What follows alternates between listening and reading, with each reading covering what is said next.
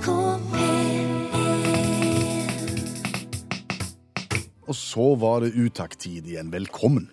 Ja, velkommen. Og vi kan vel gjerne benytte anledningen siden det er starten av programmet som varer helt fram til klokka tolv i kveld, og, og fortelle hva formålsparagrafen til utakt er. Vi har en veldig enkel formålsparagraf. Ja, den er jo bare det at vi skal være godt selskap på en mandagskveld, og så skal vi forhåpentligvis eh, lage litt godt humør. Ja. Og vi tar gjerne imot innspill og hjelp og tips underveis. Du kan følge oss enten via Facebook, eller så kan du sende SMS til oss. Sende den meldingen til 1987 og starte meldingen med utakt. Og så tar vi det derfra. Så tar vi det derfra. Så nå går vi fra det praktiske inn i det ornitologiske. Ja. Og da er vi oppe på himmelen, er vi det? Det ornitologiske, da er vi flyvende fauna, Ja. altså fugler. Vi skal til Sverige, og vi skal snakke om fugler med upassende navn. Ja, vi kunne lese på svenske nettaviser nå før helga at flere fugler har rasistiske navn. Oi sann. Nå byts de ut. Ofte. Ja. Altså, den svenske ornitologiske foreningen har tatt en kikk på eh, mange navn som fuglene har, og har funnet at eh, mange av de er krenkende, og noen er sågar rasistiske, og nå skal de da bytte ut disse navnene. Eksempler?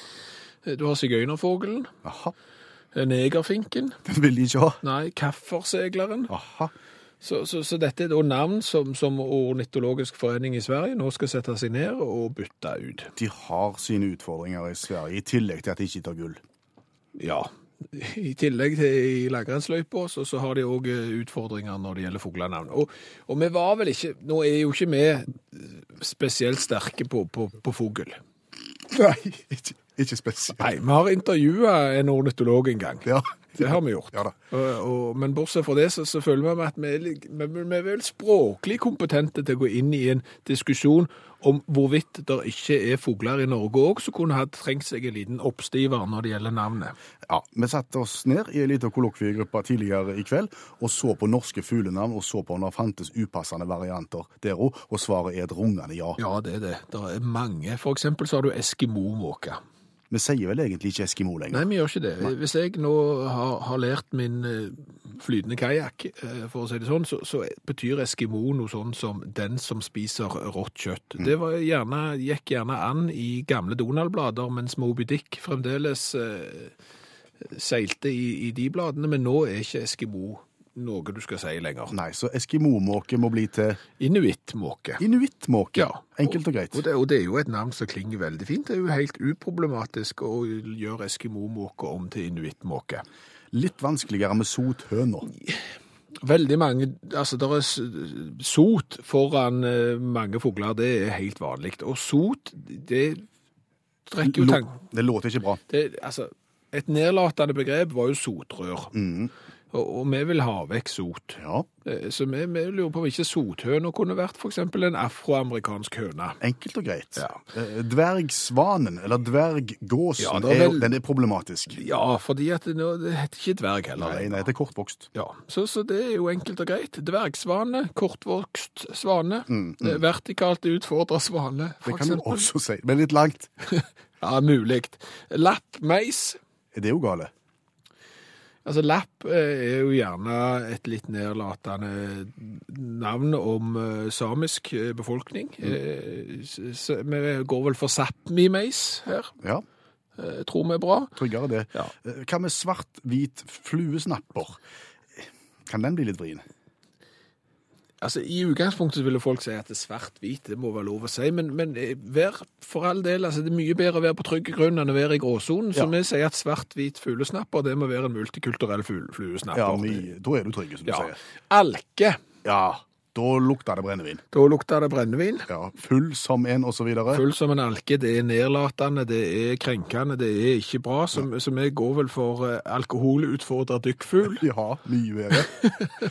uh, sad gås. Oi sann, der er du inne på, på litt sånn uh, Ja, hva skal du si? Ja, det er jo ikke noe galt, for Nei. så vidt, med med det, men, men det er klart at det, det er jo et ord som gjerne ikke klinger så, så bra, og i den forstand liksom å bli kalt for sædgås. Nei, og, og hvis du er ute med, med lille åtteåringen, og så Ja. ser de- ser de fyker sædgås og Ja, sånn. så må du plutselig ta den diskusjonen igjen om blomster og bier og, og sædgås og sånn, og den har du ikke lyst til å ta, så, så den har vi kalt for ejakulasjonsgås. Mye enklere. Er mye vanskeligere, og dermed så slipper du å gå inn. Og når vi først er inni forbi den litt vovede, altså kan du si litt krenkende vovede fugleverden, så har du jo pungmeisen. Ja, den, den kan du løse enkelt med skrotumsmeis. Skro... Skrotumsmeisen er bra. Ja. Så har du jomfrutranen. Ja, seksuelt uerfaren trane. Ja, eh, den, den ikke, jeg vet ikke hvor, hvor godt kjennskap du har til musvåken. Det har ikke forhold til den. Nei, mu, musvåken er jo, eh, kaller vi for vaginaobservatøren. Ja, Skal vi slutte med gjøken da, kanskje? Gjøk det er jo ikke fint å bli kalt for det. Nei, Nei. Det, det, det er jo klart at det er jo et nedlatende ord, gjøk. Mm. Det er jo ikke bra å være det. Da er du mindre intelligent, eh, og, og, og da har du litt mindre håndbagasje, bokstavelig talt. Så vi har vel valgt å, å gjøre gjøken om til intellektuelt utfordret trekkfugl. Ja. Men, men jeg har en gåte til deg her på slutten. Ja. Eh, Fordi at det, der, der, er, der er spesielt en fugl jeg kunne tenkt meg å, å slå et slag for. Nå er jeg spent. Ja, og, og hva fugl tror du jeg tenker på hvis jeg nå har døpt den om etter dette nye regimet vårt til uramerikansk fottøyfugl med litt mindre håndbagasje? Jeg har en følelse av hvor vi skal hen. Uramerikansk fottøyfugl med litt mindre håndbagasje. Enkelbekkasin. Enkeltbekkasin, ja. ja.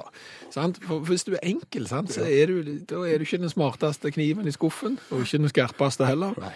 Og så har du bekkasin, da, som er uramerikansk fottøy. Ligger ned på, på mokkasin. Ja, det er såpass nært. Så, så enkeltbekkasin. Ja. Uramerikansk fottøyfugl med litt mindre håndbagasje. Nå har vi snakket veldig mye fugl. Nå må gi oss. Hvordan gikk det med svenskene, forresten? Har de, fått, har de klart oss å finne nye navn på de som ikke var bra? Eh, det, de sitter nok i kollokviegrupper og diskuterer som uh, fuglefjørene fyker, bokstavelig talt. Men jeg tror, etter det vi har grunn til å tro, Ja. at sigøynerfuglen Ja, Den har fått nytt navn. den, den har fått nytt navn, ja. Den skal hete, den skal hete Rompapp.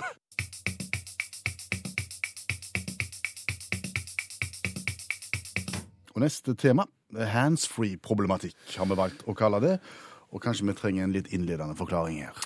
Ja, så Handsfree det er jo det at du kan snakke i mobiltelefonen din, eller telefonen da, uten å ha telefonen i hånda opp til øret. Forskjellige former for uh, trådløs gjerne kommunikasjon mellom telefon og et eller annet uh, apparatur. Og det er jo det du bruker i bilen som skal gjøre det litt tryggere, så ikke du skal sitte og snakke i mobiltelefonen med inntil øret mens du kjører. Ja, og svært mange nå har jo en sånn en løsning som gjør at uh, lyden fra telefonen går via stereoanlegget i bilen, sånn at du hører vedkommende du snakker med i høyttaleren, og har han i andre enden hører deg via en mikrofon som er festet i bilen. Og her starter utfordringene. Ja, for det er klart at nå er det jo gjerne sånn at eh, mange har mobiltelefon som deler på den samme bilen. Eh, Mange har kobla denne til eh, stereoanlegget for å være i stand til å kjøre lovlig og snakke i telefon, og det fører til visse utfordringer. Ja, vi rygga eh, NRK-bilen ut av garasjen i NRK-bygget her for noen dager siden, og da skjedde det noe rart.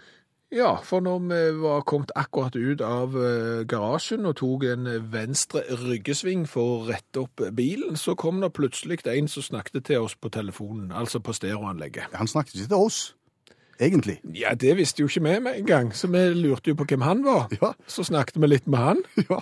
Og så viste det seg at han satt jo egentlig og snakket med Kyllingstad. Han satt og snakket med Kyllingstad, ja. For Kyllingstad har jo da para sin telefon med stereoanlegg i bilen. Ja. Og Kyllingstad er en kollega av oss som ikke var i nærheten av bilen akkurat da. Ja, han var ikke så langt ifra heller. Men han var ikke helt i bilen. Nei. Han satt på kontoret sitt eh, i, ja, bak vinduet mellom ja, kan du si, ti meter fra vår bil. Der satt han og snakket med denne teknikeren da, de hadde jo en livlig diskusjon om noe kamerateknisk utstyr og noe sånn. Og i det vi rygger bilen sånn at vi kommer inn i dekningsområdet til den trådløse eh, kommunikasjonen med, med Kyllingstad sin mobil, så slutter Kyllingstad å snakke med, med, med teknikeren, og så er det vi som snakker med han istedenfor Ja. i bilen. Ja. Eh, Så, så da skal jo på en måte Kyllingstad være glad for at det var en tekniker han snakket med, og ikke noen som ikke vi burde vite om. Det hadde jo vært veldig dumt hvis det plutselig var at det foregikk noe kokkelig munke der som vi ikke skulle vite noe om i det hele tatt. Men det er klart det tok bitte litt tid før vi klarte å forstå hva problemet var, og, og, og hvordan vi skulle løse det. Så vi, vi fant ut etter hvert at vi får bare skru av stereoanlegget i bilen, og så havner jo telefonen tilbake på pulten til, til Kyllingstad. Og så snakket de videre. Så ordner vi det. Men, men litt det samme problemet. Og dette her er forbrukertips som vil noe, så, så følg med, folkens. Du skal vite hvem som er trådløse på hvilket tidspunkt. Ja, det skjønner jeg godt. Ja, fordi at kort historie skal vi gjøre den litt lang. Nei da, vi skal gjøre den så kort som vi kan. Samme problemstilling. Jeg sitter i bilen sammen med en kamerat, og så finner jeg ikke mobiltelefonen. Det er ikke nytt. Nei, det er ikke nytt, for jeg har jo en tendens til å ha jakke med, med hull i, i fôret og lommene, sånn at ofte så havner jo det som er i innerlommen, det ligger jo bak på ryggen. Så jeg tenkte at det var noe sånn som var skjedd. Men jeg klarte ikke å finne han i fôret, så jeg ba kameraten min ringe telefonen min. Det gjorde han. Han ringer, og det som jo da selvfølgelig skjer, er at du hører at det ringer i hele bilen på stereoanlegget, og så ser jeg på et lite sånn ikon på, på stereoanleggsskjermen min i bilen at telefonen er koblet til. Sant? Det er et lite sitt. Så da tenker jeg, ja, ja, jeg finner han ikke akkurat da, men da vet jeg at han er i hvert fall i bilen, så vi setter oss og kjører. Ja. Så kjører vi en stund, og så eh, kommer vi frem til der vi skal, så da hiver jeg av kameraten min, for jeg skulle kjøre han, han skulle på quiz. Yep. Så slapp jeg han av, og så fortsatte jeg til det jeg skulle på. Og så var det å finne den her telefonen. Og så fant jeg han ikke. Nei, for den er jo i bilen. Han er jo i bilen, ja. Men plutselig så var jo det der han ikonet som fortalte at telefonen var i bilen, det, at han var i kontakt med stereoanlegget, det var jo forsvunnet. Og da er jo ikke jeg smartere enn at jeg tenker Da tenker du at da har antageligvis kameraten din telefonen din i lomma, og han har gått på quiz og tatt med seg Ja, telefonen din. det, det var akkurat det, det jeg tenkte. Han har tatt feil, han har tatt min telefon, og han er nå på quiz med den. Så jeg snur og turer inn på quizen, hjelper de med et par spørsmål, eksempel eh, VM i Sapporo 2007, eh, og så sier jeg, du, sjekk lommene dine, for du har jo garantert telefonen min. Og han saumfarer alt som finnes av klær, og han har ingen andre mobiltelefoner enn sin egen. Konklusjon. Konklusjon. Han har på et eller annet tidspunkt, en eller annen gang for noen år siden, ikke vet jeg tid, koblet seg på mitt stereoanlegg i min bil. Så når han setter seg inn, så kobles den automatisk på mitt stereoanlegg. Når han da ringer til meg, så er det ikke min ringelyd vi hører i bilen, det er hans. Men hvor var din telefon, da? Den lå hjemme på bordet hos han. En halvtimes kjøretur. Så det ble jo bare rot.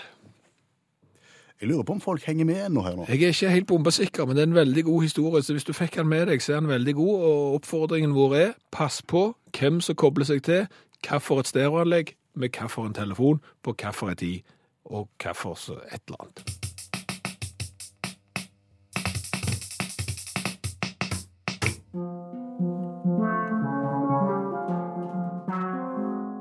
Bare spør. Jeg skal svare. Hilsen Vebjørn, syv år.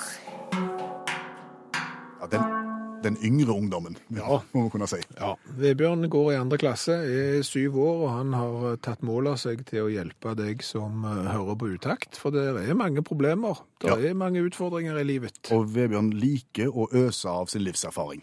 Og hjelpe til. Absolutt, og det handler vel om eh, ja, et, et lite hudproblem i dag. Ja, hei Vebjørn, lyder dette spørsmålet. Jeg har en tenåringssønn som har begynt å få en god del kviser. Han er litt frustrert i forhold til det. Har du råd?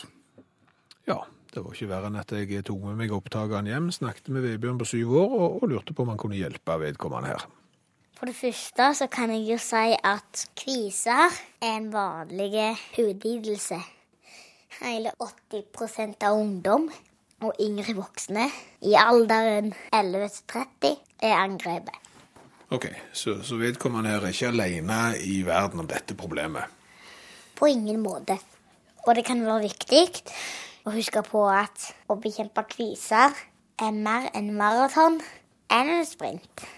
Ja, så, så det tar litt tid altså. Det kan du trygt si, men det er håp. Eh, Ok, nå må du fortelle. Hva kan du gjøre? Hvis du bare er lettere angrepet av de små gule kvisene, kan du prøve deg på reseptfrie produkter først. Produkter som Bastyron og salsilsyre har god effekt mot lett til moderat akne og hudormer. Ja, du sier hvis du er lettere angrepet. Hva gjør du hvis du har mye kviser, da? Har du svært mange kviser, bør en lege se på dem. Den mest effektive behandlingen får du på resept. En hudlege vil vurdere behovet for ulike kremer på resept, behov for antibiotikabehandling eller isotretinoin-tabletter. Jeg mener jeg har hørt et kjerringråd Vebjørn, som sier at du kan smøre tannkrem på kvisene. Stemmer det? Det har jeg òg hørt. Du, hvis du smører tannkrem på kvisene, så vil de tørke ut i løpet av natta. Men her må jeg hive malurt i begeret. Ok, på hva måte da? Spesialister har ikke funnet noen dokumentert effekt av tannkremtrikset. Det finnes ingen studier som støtter bruk av tannpasta på kviser. Og fluor kan teoretisk sett gi kviser. Ja, så da dropper vi det. Eh, Noe mer? Ja, det er viktig at du ikke klemmer og klorer på kvisene. Da blir de bare større og varer lenger. Ja, alt du kan.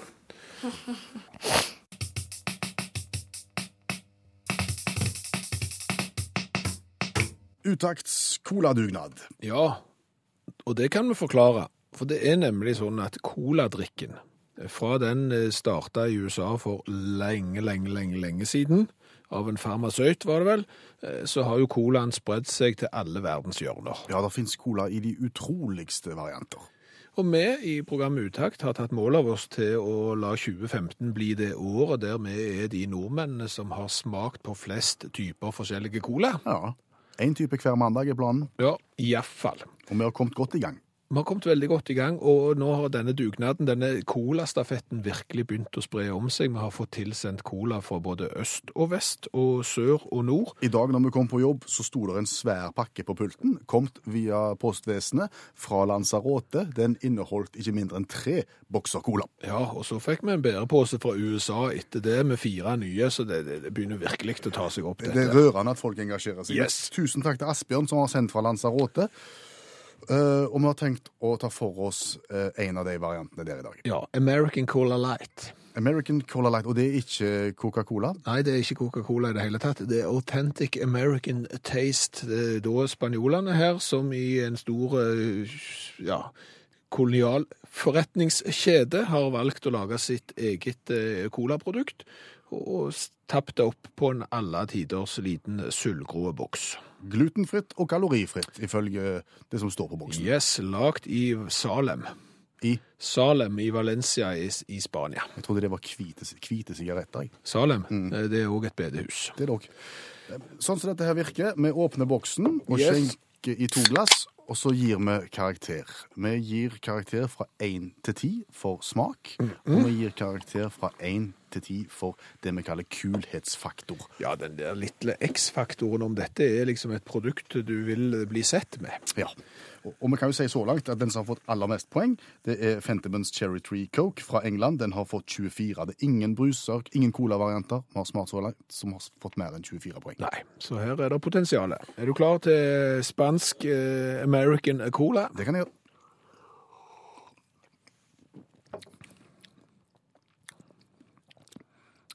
Det forsvant smaken. Ja, merkte du det? Ja. Det smakte Ingenting. ingenting. Helt med en gang så Lurebrus. Altså, du kan si mye om denne brusen her. Altså, han er jo ikke vond, for, for han smaker jo ingenting.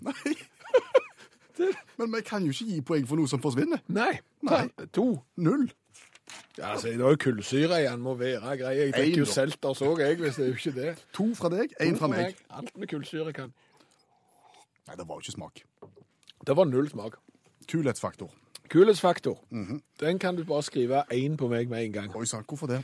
Altså, for, det lukta kopi lang vei, og, og det lukta lavpris eh, lang vei av denne American Cola. Det er klart at det, Når du tenker på hvor slakke nei, spanjolene er i amerikansk i det hele tatt, engelsk og sånn, og så skal de liksom lage authentic American taste, som det står på sida her. Ja. Og så har de lagd en cola uten taste i det hele tatt. Så her står engelskkunnskapene og smaksløkene helt i stil hos eh, spanjakkene. Og, og de får da terningkast én av meg. Ukult direkte. Jeg kan ikke gjøre noe annet enn å si meg helt enig i Skjæveland. Jeg er helt enig. Jeg gir en ener, jeg òg.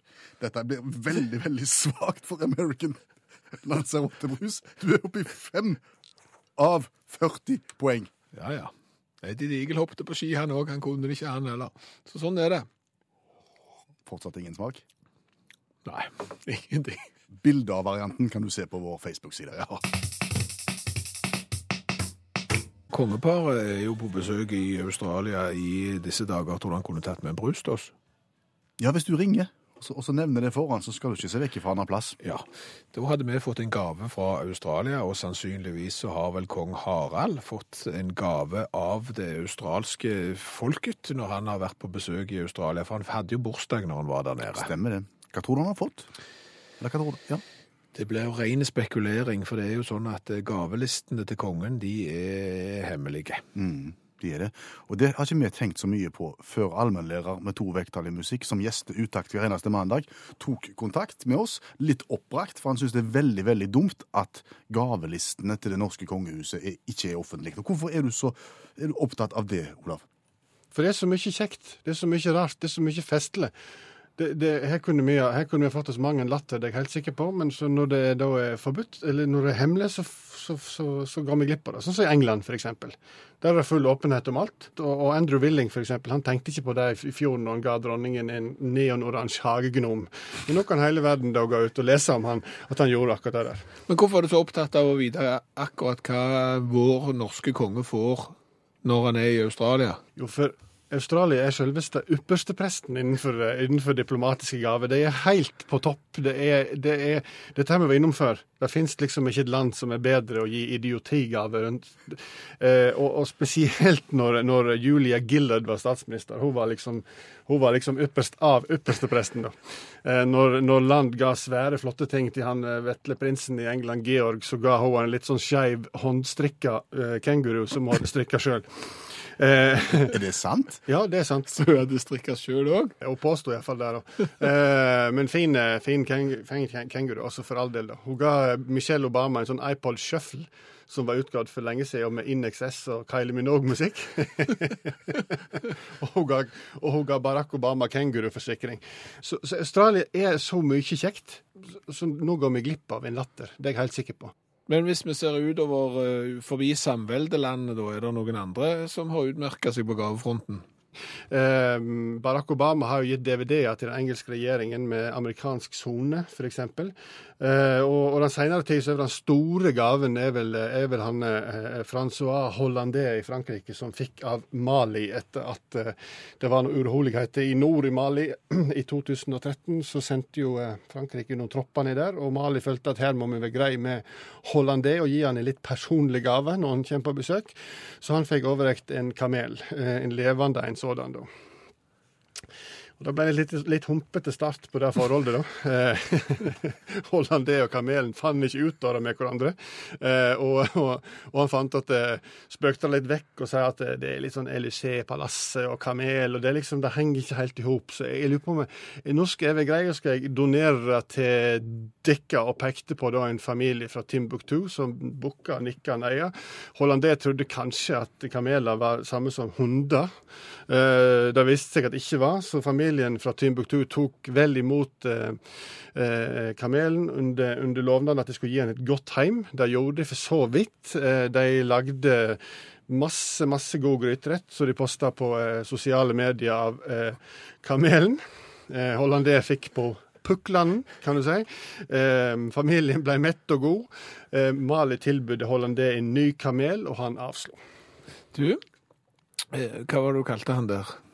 Franskmann? Hollandé. Det tror jeg er en saus. Jeg tenkte akkurat på det samme. Holland. Men det er jo mulig at denne familien i Timbuktu serverte Holland sin kamel med hollandes saus. Det skal du ikke se vekk ifra. Kjekt å kunne lære deg òg noen gang. Ja, ikke sant. Det var på tide.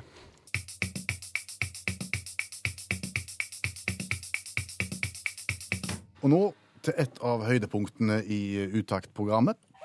Vi setter påmeldingsrekord hver eneste mandag. Det er kjekt, og i dag så skal vi til Bodø. Siri Sundsfjord, god kveld. Hallo, du. Har du et forhold til utaktskonkurranse? Nei, det har jeg ikke. Det er første gangen jeg er med. Det er et godt utgangspunkt. Da skal vi prøve å gi deg et forhold eh, til det, og da kan jeg forklare reglene kort og konsist. Ei spørrebok fra 1975 med 68 sider i. Du velger et sidetall, og så tar vi et vilkårlig spørsmål, og svarer du rett, så skal du få litt gladjodling. Og svarer du feil, så får du litt tristjodling. Men uansett så skal du få ei eksklusive T-skjorte med V-hals, så det står utakt på, så du kan sprade rundt i, i Bodø. Kjempegreier. Det høres greit ut. Ja, det er veldig bra. Da, da tror jeg bare vi begynner. Du skal få velge et sidetall. Eh, side fem. Da tror jeg du er i innholdsfortegnelsen. Ja, Og ingen sånn som er litt lenger ute. Ja, Ja, du- du på, må- side, på side 20. side 20, ja. Da skal vi havne med på kategorien aktuelt mer og mindre. Altså aktuelt i 1975. Eh, Hvor aktuelt var det for deg i 1975? Har du noe forhold til året? Nei, egentlig ikke. Det var tre år før jeg ble født, så. Au!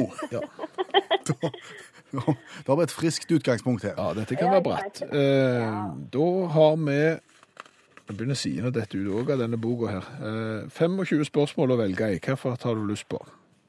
Eh, var fem? Fem, ja. Hvilken sak hadde nesten forårsaket regjeringskrise i Norge fredag den 13. desember 1974?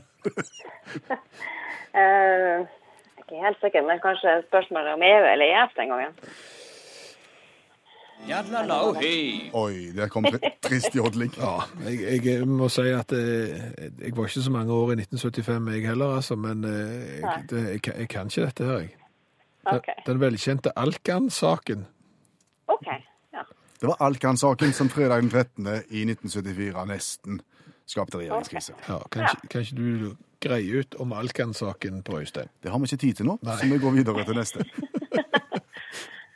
Det er bra. Vi, vi prøver, prøver et spørsmål til her. Bare velg et sidetall, Siri. Eh, 74. 74. Denne boka slutter på side 68. Å ja, OK. Jaha. Da tar vi 61. 61. Det er bra.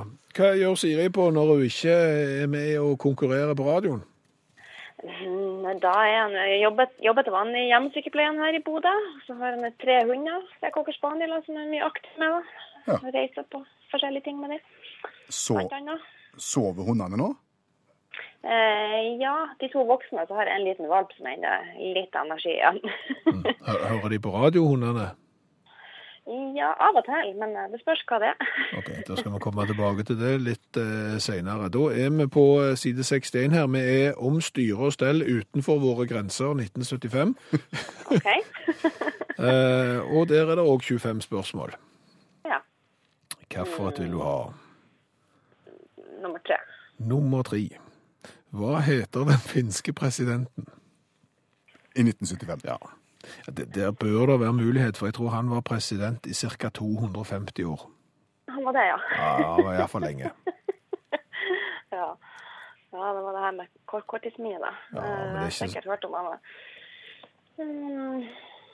Nei, det tror jeg faktisk han må melde pass. Jeg klarer ikke å huske. Eh, Vi kan jo hjelpe bitte litt. Eh, Vi kan jo si at eh, fornavnet hans eh, klinger omtrent likt som det du henger over eh, barnesengen, som ungene kan ligge og se på og prøve å få tak i, de tingene der.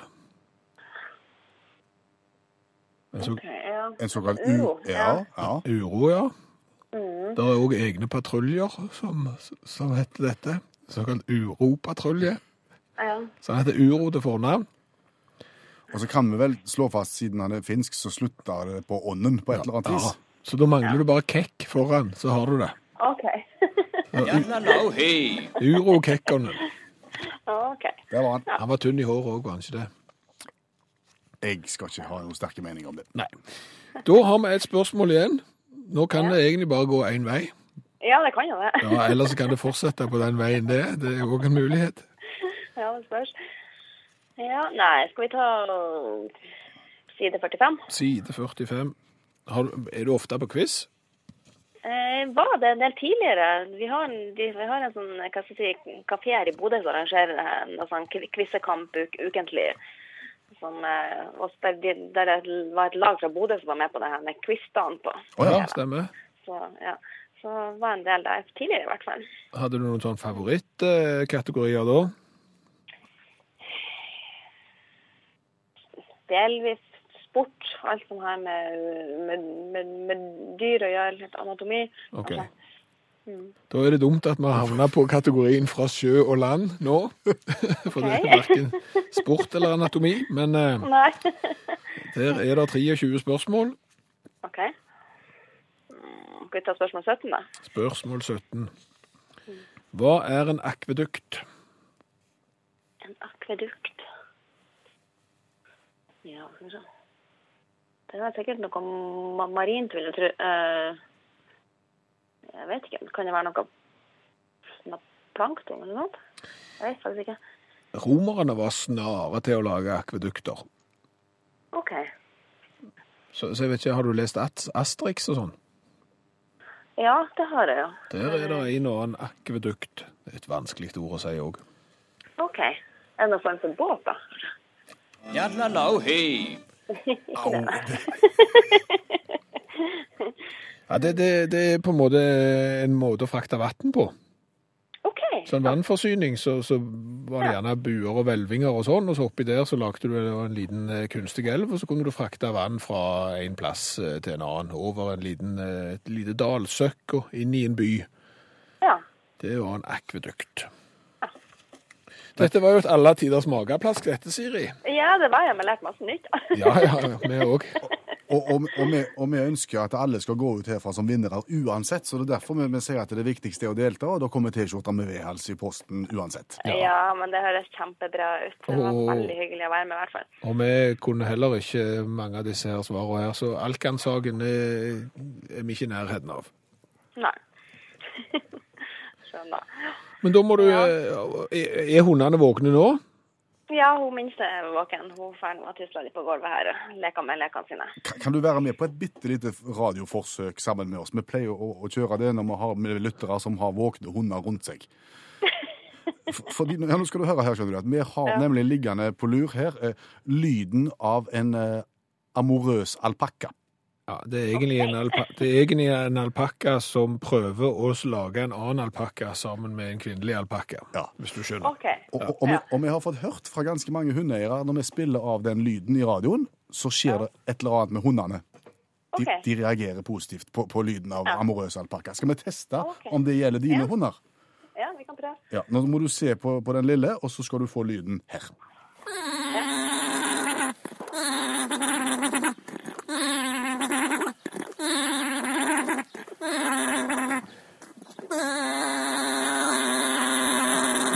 respons? Skjedde det noe? Nei, jeg vet ikke om hun skjønte så mye av det. Hun sto, sto bare og logra litt og kikka litt, kikket litt rart på telefonen. Ja, men altså En hund som logrer skal du ikke kimse av. Det er respons god nok, det. Og, og, og det. det kan aldri bli for mye amorøse alpakkaer i radioen. Tusen takk skal du ha.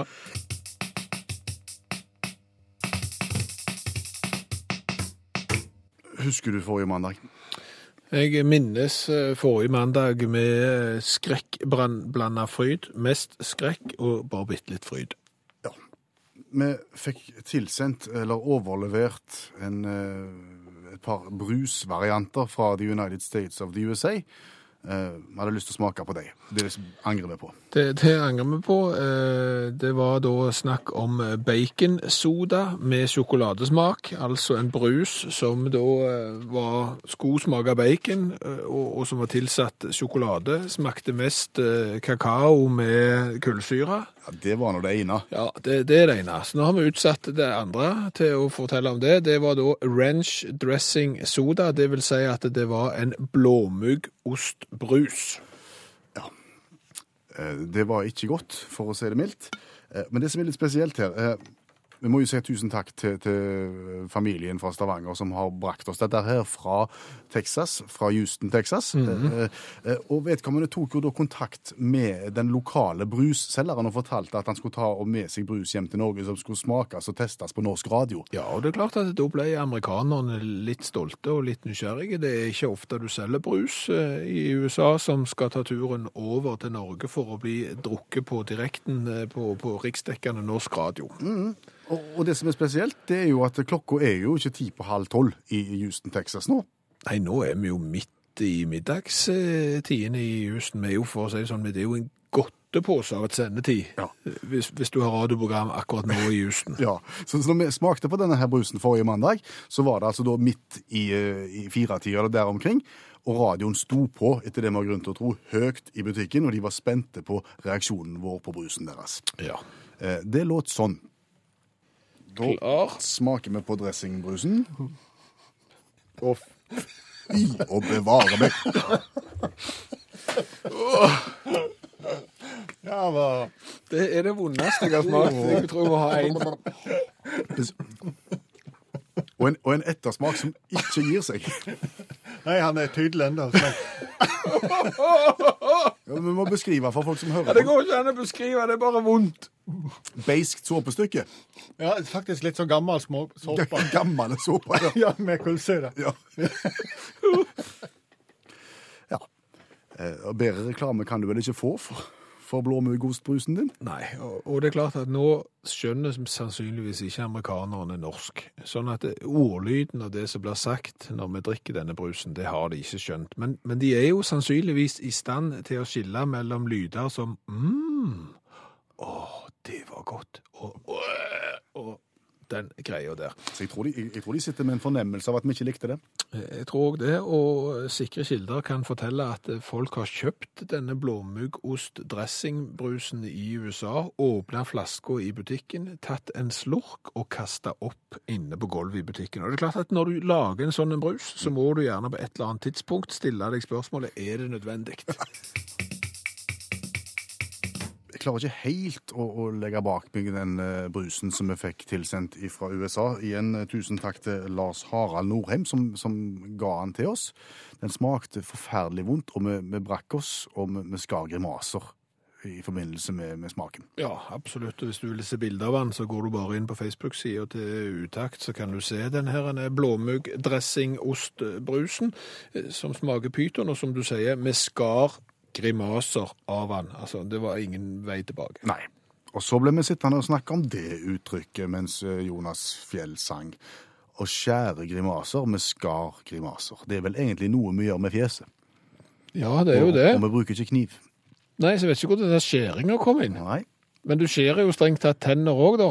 Og ikke, men der er det jo litt skjæring på en måte, for der er det litt fram og tilbake, en sånn skjærende bevegelse. Men en grimasje blir jo aldri skåren. Nei.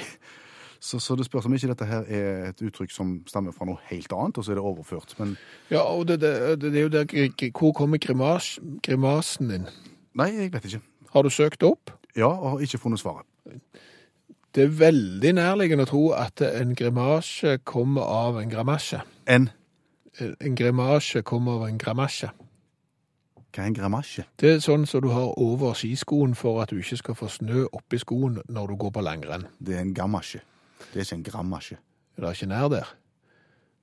Nei, det er ingen r i gamasjer. Grimasje og Gamasje. mas- masjen. Om du lærte noe nytt nå? Og en sånn masje som du har over skiskoen når du går på tur. Det, det er et underlig plagg. Gamasjen. Jeg, jeg husker mitt første møte med den der masjen. Ja. Det, det var jo bestefar min hadde det. Å, Han hadde masjer. Eh, Og, og det er klart det var jo et alle tiders oppsyn det. For det første så hadde han jo De skulle jeg hatt, når jeg tenker meg om. Han hadde jo brune skisko, type viking, i plast. Det hadde jeg òg. Hadde du skisko i plast? Ja. De er utrolig kalde, de. De holder enormt på kulden. Jo, men, men, men, men poenget var at oppå der så hadde jo da min eh, bestefar hadde jo da en sånn masje Ja. oppå der. Eh, Og den var veldig kort. Den gikk jo bare så vidt over ankelen. Det hadde jeg òg. Oppå plasten hadde jeg kort masje. Ko- Og, og, og så hadde han jo nikkers, Ja. det vil jo si at fra marsjen og, og opp til kneet, så var det jo bare ullsokk. Ja. Og hva har du da tenkt? Fordi at du tar jo på deg den marsjen for, å- for å unngå å få snø i skoen. Ja. Ja. Og det unngår du jo når du har marsjen på ankelen. Jo, men så går du med nikkers og eh, da ullstrømpe. Og hva skjer da når du går nedi? Da blir jo selvfølgelig ullstrømpen full av snø. Og ullstrømpen den hviler jo da på varm hud, som gjør at det da sannsynligvis vil denne snøen smelte. Ullsokken vil bli varme, og det vannet vil jo da renne ned i vikingplastikk skiskoene.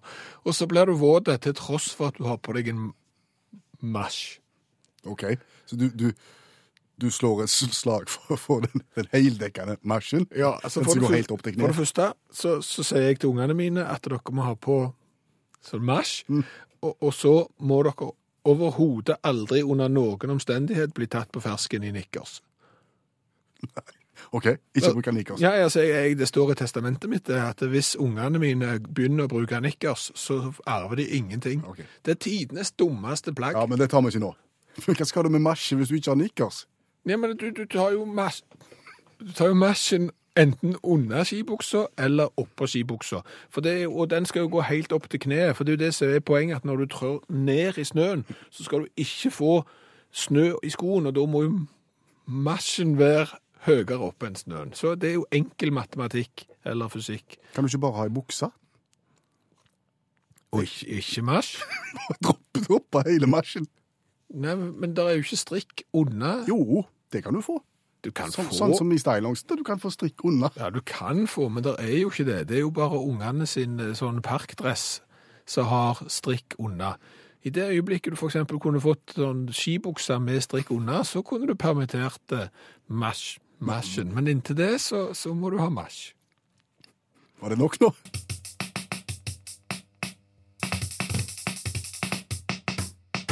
Og så har vi blitt bitte litt arresterte på skiskoene som du vokste opp med, og skiskoene som min bestefar eh, brukte, som var lagd eh, av Viking i Askim.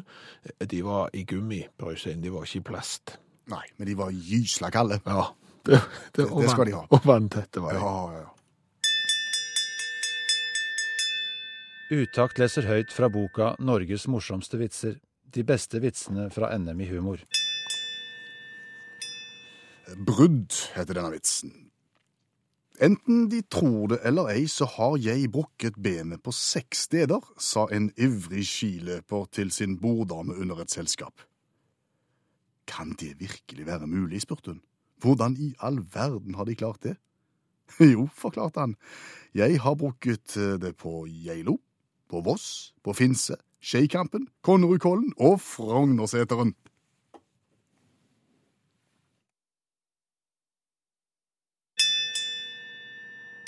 Du har hørt Utakt lese høyt fra boka 'Norges morsomste vitser'. De beste vitsene fra NM i humor.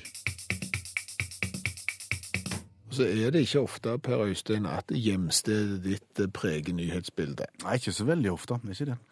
Du er fra Gard, Ja, en liten eh, bydel i Haugesund. ja, og for en time siden så la politiet i Haugesund ut en twittermelding, Twitter-melding, for det har skjedd ting på, på Gard nå i, i kveld. Åh. Eh, mann ble pågrepet på Gard i Haugesund. Kun iført skinnjakke og kobberstøvler. Da kan jeg si såpass at vedkommende har antageligvis gått i klassen min. Det, For, for, det er vel en viss, viss fare for det. Dere gikk vel mye ut i bare kobberstøvler og, og det, var skinnjakke. litt, det var litt forskjellig. Ja, hva, hva, hva skriver Haugesunds Avis om dette opptrinnet? Nei, De skriver jo at han ble jo da pågrepet av politiet etter en stund, og, Ja. og kommer jo da med forklaringen. Han var stengt ute av eh, kjæresten sin. Ja. Slapp ikke inn. Eh, og da svarer jo politiet Han trengte jo ikke da gå rundt i bare cowboystøvler og skinnjakker for det. Nei, det er jeg for så vidt enig i. Og, og jeg tenker jo litt at noe må jo ha skjedd i forkant av at du blir på en måte tatt i bare cowboystøvler og skinnjakke og ingenting annet. Fordi at eh, hvis jeg hadde hevet deg ut nå, sant, så, så, så hadde jo ikke du Altså, Du hadde jo fått på deg mer enn bare cowboystøvlene. Du sitter jo der i, i olabuksa, du har skjorte og, og T-skjorte. Så, så du kan si inngangen til å bli hevet ut må jo ha vært noe spesiell eh, når du eh, da bare har skinnjakke og cowboystøvler. Kan vedkommende kun ha hatt det på seg når han ble kasta ut? Ja, så enten så har du jo ikke hatt på deg noen ting. Ja. Og, og, og der er det jo et, kan vi se for oss et visst scenario som gjør at noen blir hevet ut. Men det er klart at hvis det er tilfellet da, Ja. så har du rukket å ta på deg bitte litt, Ja. men litt for lite. Du har, I farten har du dratt med deg cowboystøvlene og skinnjakka. Ja. Og da har du egentlig flere muligheter til hvordan du skal benytte deg av det. Ja, det er jo nettopp det, fordi at du kan, du kan sprade i bare skinnjakke og cowboystøvler, eller så kan du drapere deg da med skinnjakke og cowboystøvler, og det siste er mye bedre enn det første. Vedkommende har gått for sprading her. Ja, for du kan jo dekke deg til, sånn at det blir litt mindre spesielt. Altså, det er armer på en jakke, og du kan, du kan, knytte den rundt livet, og for eksempel eksponere bakdelen, som er mye bedre enn å eksponere framdelen, for eksempel når du går i, i boligstrøk På gard. på, på gard. Men, men det er klart at det, det, det, er jo et, det er jo et visuelt sterkt uttrykk med, med kun skinnjakke, gjerne åpen. Eller det er kanskje enda sterkere uttrykk hvis skinnjakken er, er igjen, og bare cowboystøvler.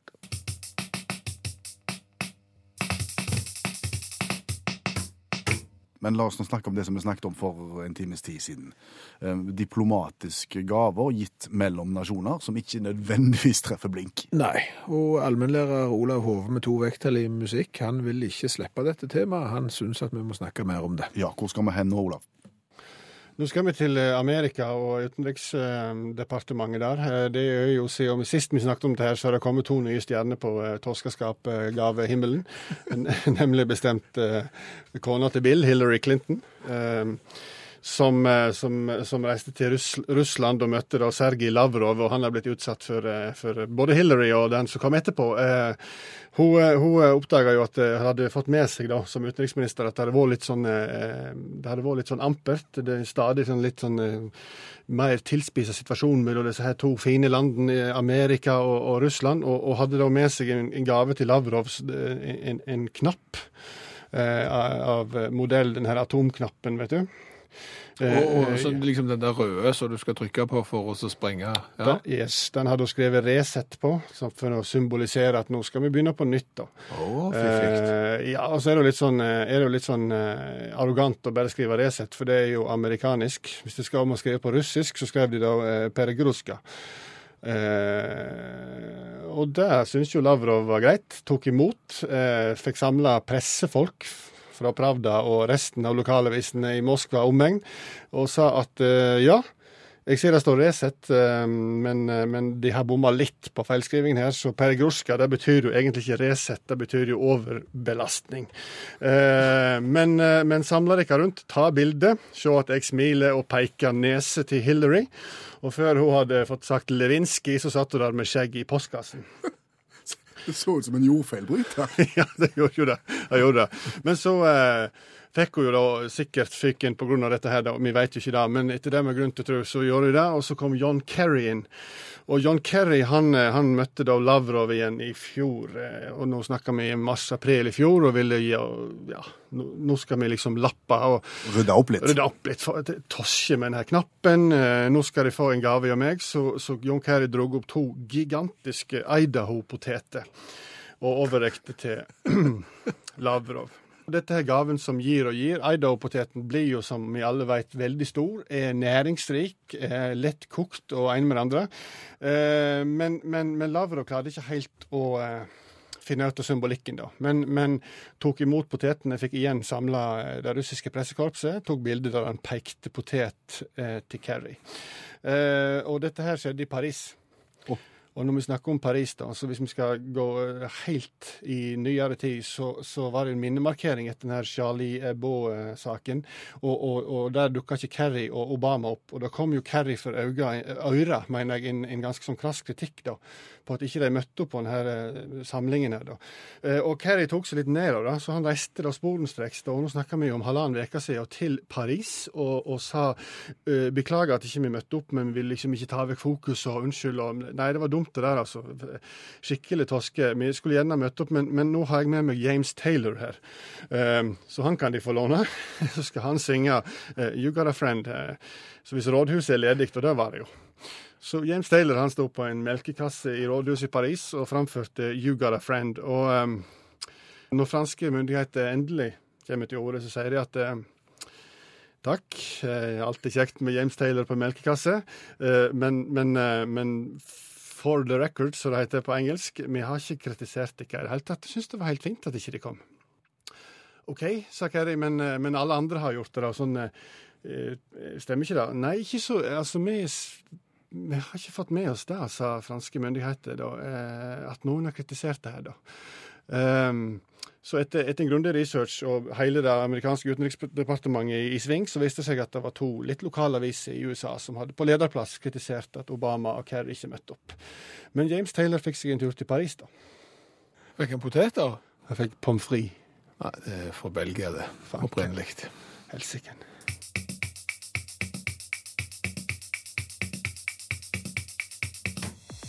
Hør flere podkaster på nrk.no podkast.